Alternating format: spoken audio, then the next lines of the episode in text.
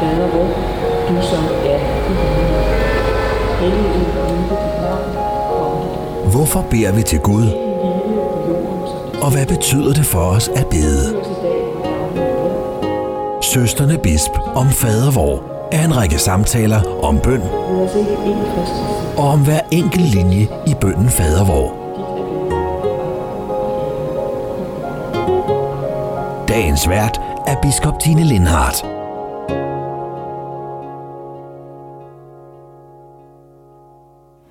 Maria Søjden er journalist. Hun beskæftiger sig gennem sit arbejde med tro og eksistens som vært på radioprogrammet Tal til mig på DR P1. Personligt, der kalder hun sig et spirituelt menneske. Hun er ikke færdig med at stille sig selv spørgsmål om, hvad hun tror på. Og tvivlen og tvivlens nådegave, den er vigtig for hende. Hun er min gæst i dag, og vi skal tale om fader vor, vi skal tale om bøn og den ydmyghed, der ligger i bøn og bønfaldelse. Og vi skal selvfølgelig også særligt tale om den sidste sætning i fader hvor, for dit er ride og magten og æren i evighed. Amen. Mit navn er Tine Lindhardt, jeg er biskop i Fyns Stift. Velkommen til Søstrene Bisp og Fader vor.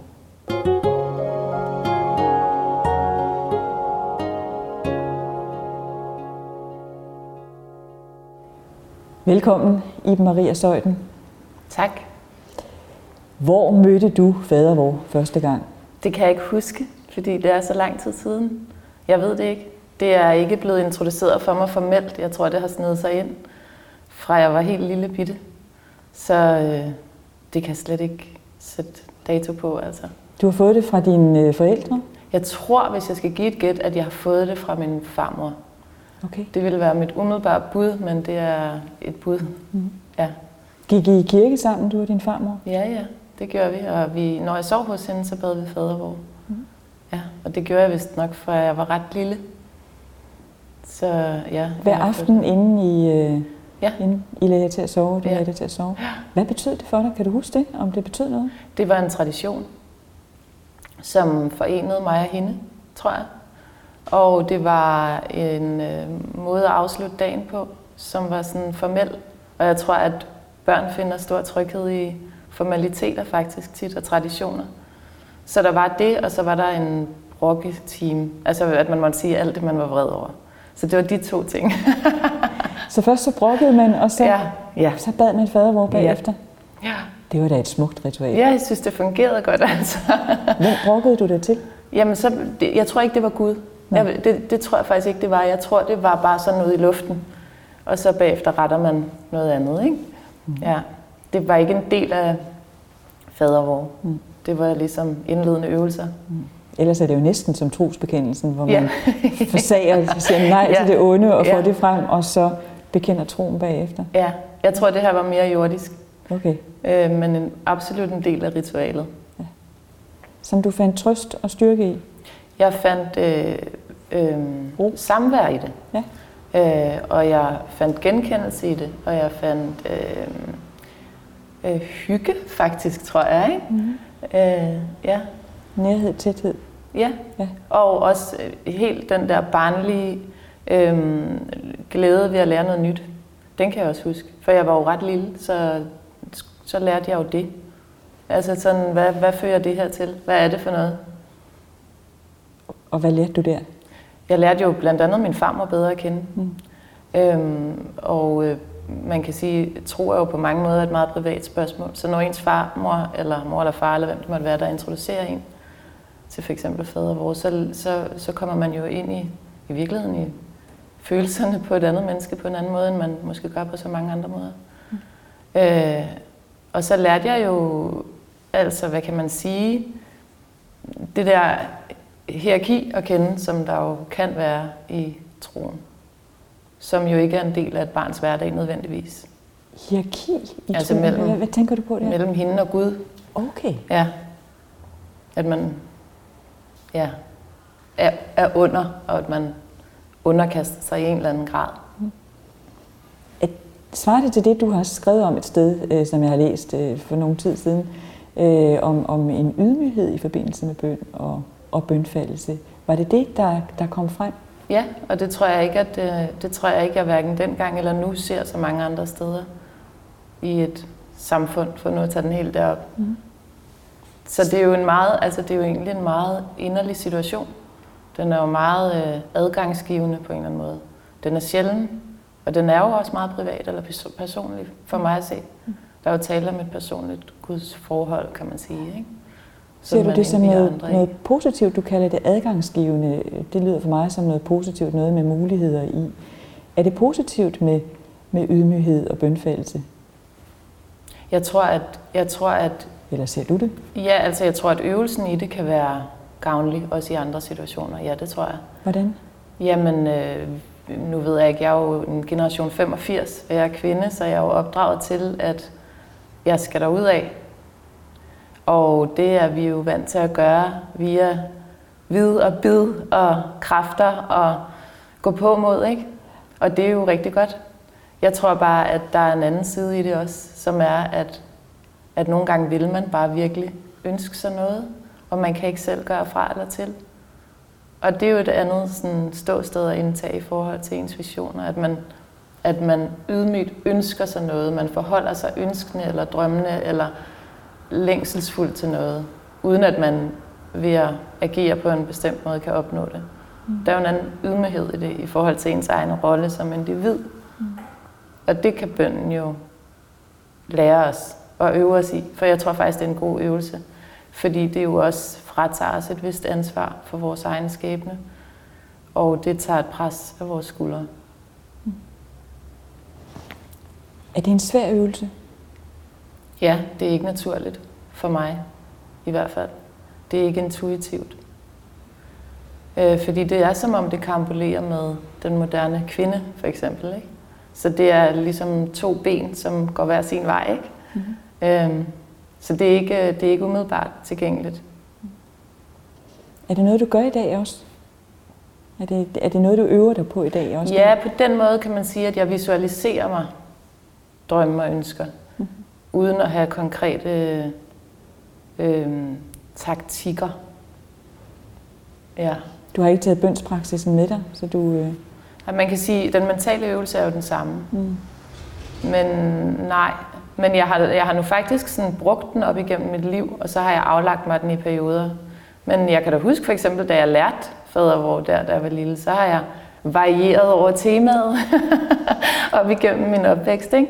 Mm. Fordi at jeg kunne godt mærke, at det kunne jeg godt bruge til noget. Jeg kunne også godt mærke, at det var for autorit, altså jeg var for, jeg kunne, ikke, øh, jeg kunne ikke tage det over en til en. Jeg var nødt til at variere over det, for at føle, at der var plads til mig i det. Mm. Så det du siger, eller som jeg hørte dig sige det, det er også, at der er nogle ting, hvor, man, hvor det er vigtigt, at man går ind og tager kontrol, og hvor det er vigtigt, at man melder sig på banen, og, og på den måde ikke bare underkaster sig, ja. men, men så at sige en modstand i ja. det. Ikke?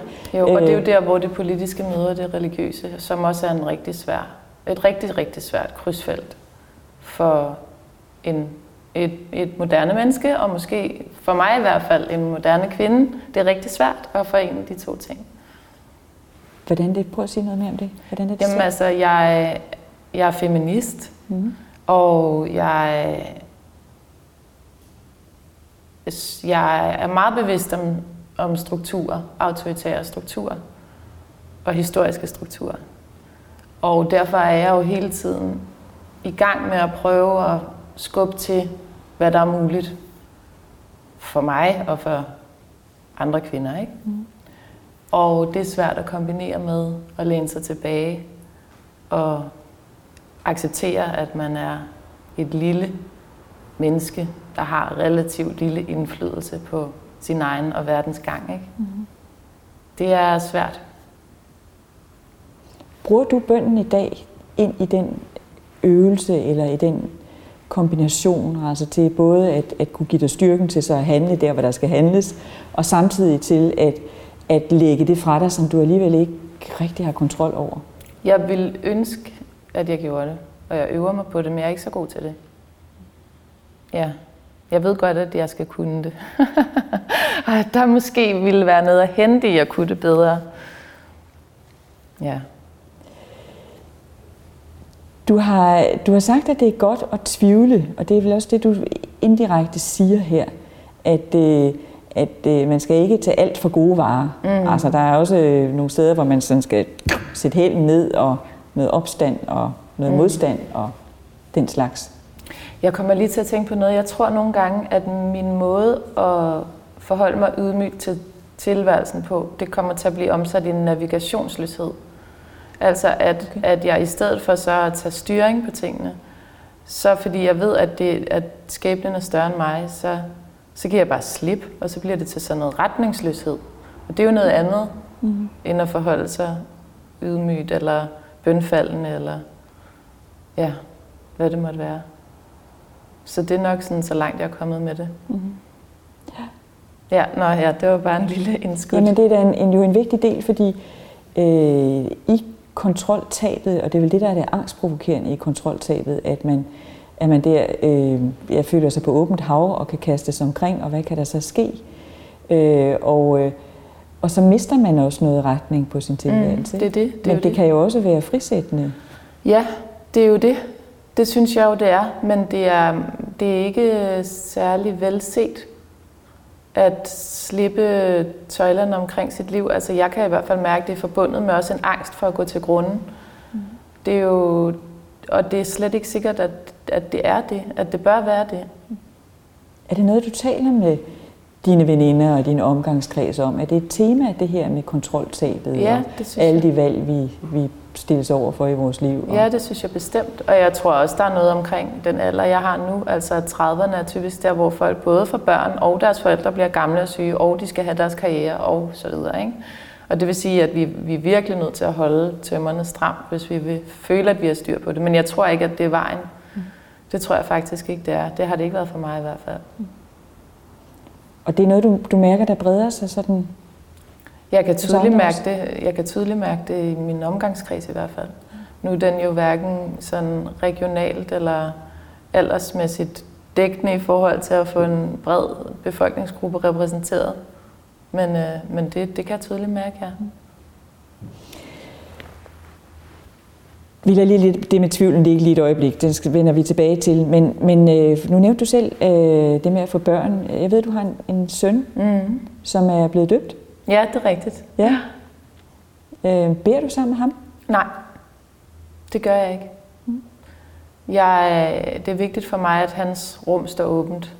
Altså, at han, at han får lov til at fortolke, som han vil indtil videre. Og det er altså nærmest, altså hvis han siger nogle forkerte ting om nogle dyr, for eksempel, noget der ikke passer, så tror jeg stadigvæk, jeg vil synes, det var svært også det at gå ind og sige, ah, lossen trækker faktisk kløerne tilbage i poten, eller hvad det måtte være. Altså han skal have lov til at prøve sin viden af frit, synes jeg. Han er kun fem.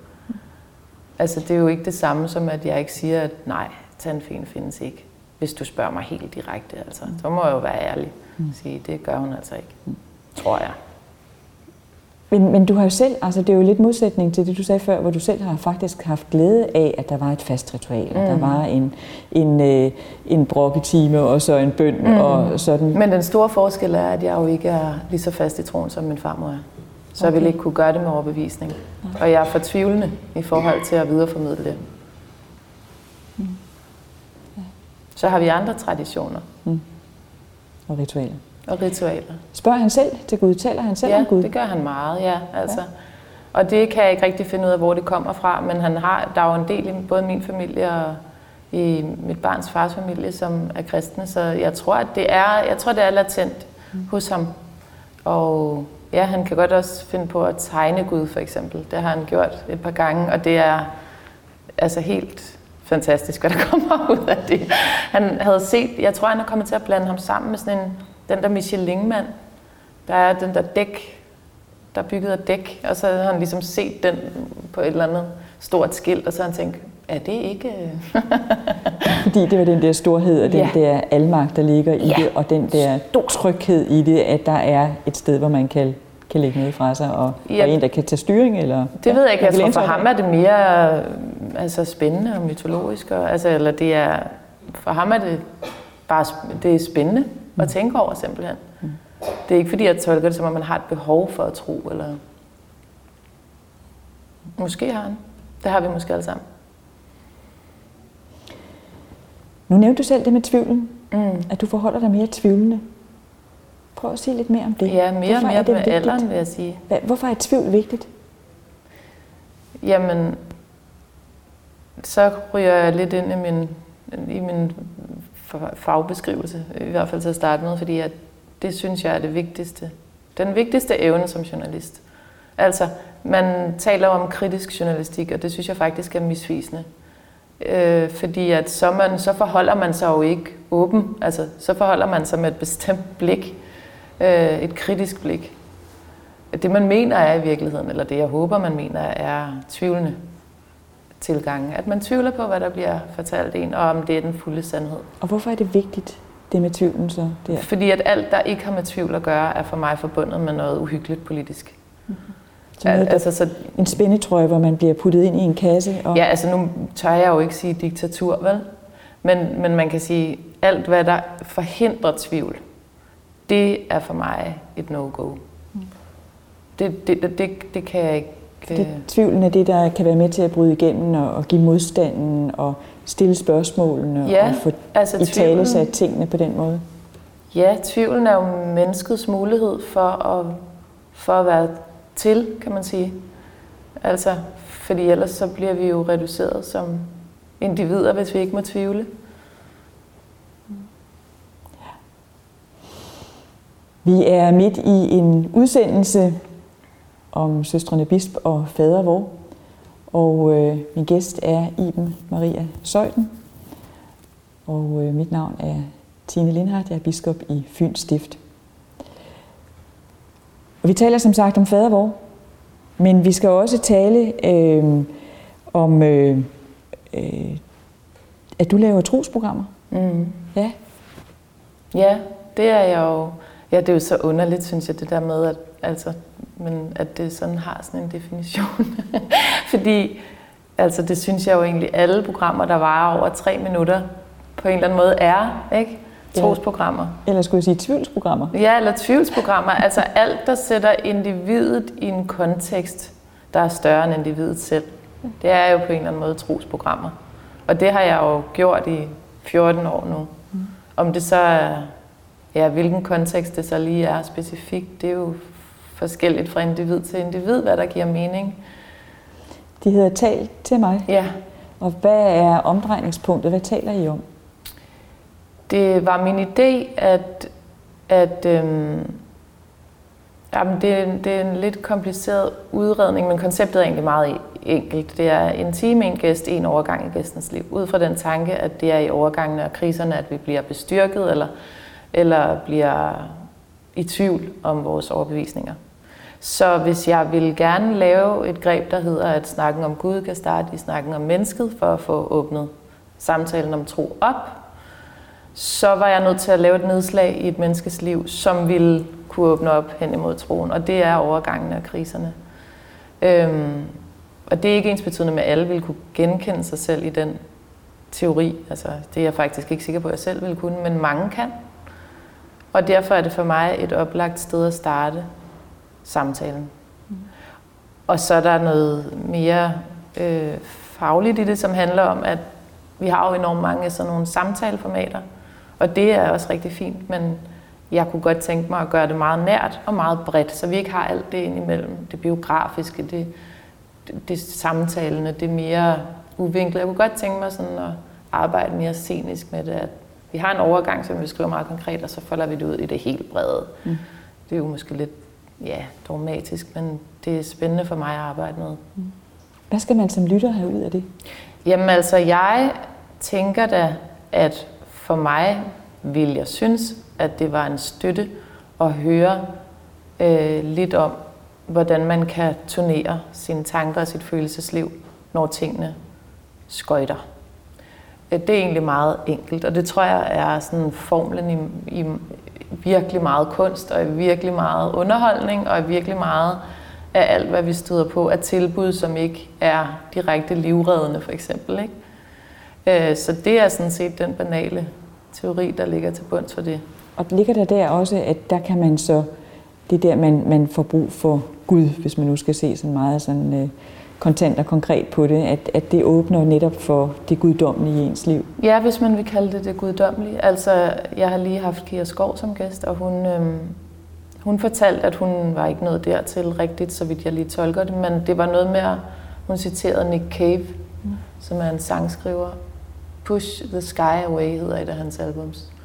Og det er ligesom den der følelse af at få skubbet noget væk over sig. At rummet bliver nødt til at blive større, når man skal håndtere større ting.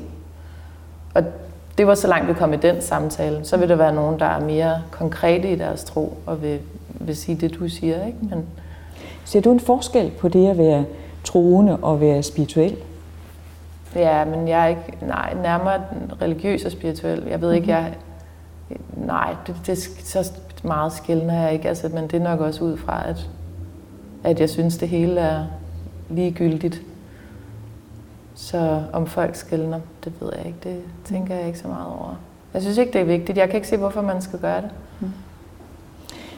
Det her med, at det er ligegyldigt, jeg hører det jo ikke som, når du siger det, at det er ligegyldigt. Nej, tværtimod.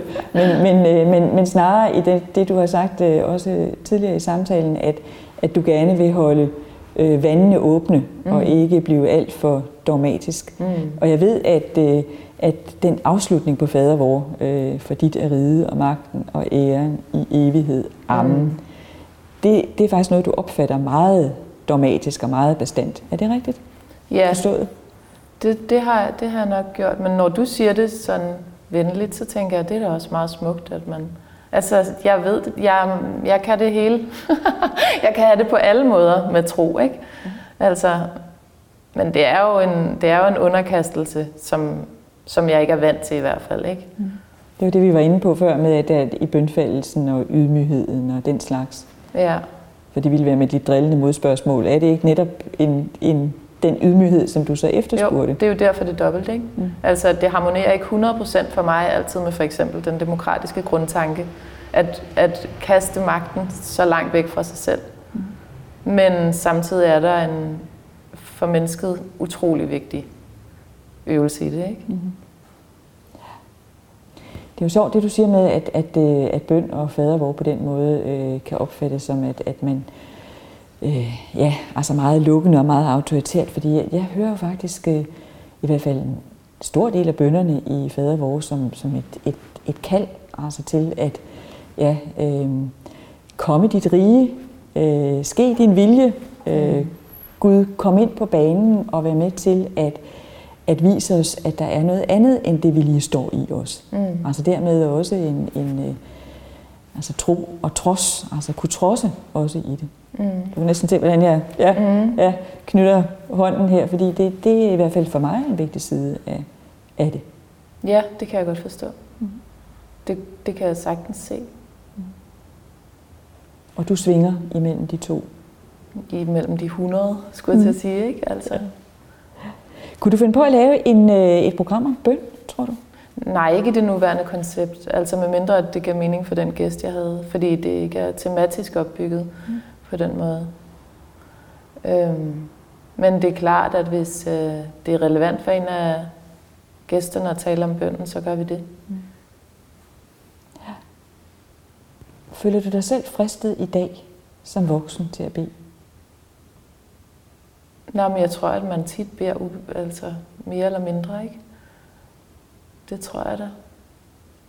Men ikke sådan formaliseret, nej. Så det er ikke sådan, du har et ritual, og en gang imellem vender tilbage til din barndomsritual og din farmors ritual? Mm, det kommer an på situationen, vil jeg sige. Men ikke sådan fast, nej. Mm. Kunne du ønske, at du havde det? det er et meget stort spørgsmål, om man ville ønske, man var opvokset og levet i stærkere øh, religiøse rammer, ikke? Fordi det er jo sådan et meget kontrafaktisk spørgsmål, fordi så skal man i gang med at gentænke hele sin tilværelse, ikke? Og det er klart, at der ville have været nogle ting, der ville have været helt anderledes, som sikkert havde været nemmere at gebære sig i psykologisk, mm. hvis det havde været tilfældet. Så det er det krydsfelt, du er i som menneske, at, at både kunne have lettelsen en gang imellem af at, at lægge noget fra dig, og samtidig den vigtige tvivl, Mm. kampen og modstanden, udvidelsen af rummet. Mm. Ja, og jeg synes egentlig også, at mine tidligere gæster sagde det meget fint, det der med, at kunsten kan jo noget af det samme. Altså, og der er jo også mange, der mener, at kunsten er guddommelig, men i det hele taget det med at få, få det løft der ind i sin tilværelse, det, øh, det er jo skønt. Iben Maria Søjden, tak for samtalen, Selv tak. og tak for din bidrag ind i fadervor og søstrene Bisp, der taler om fadervor.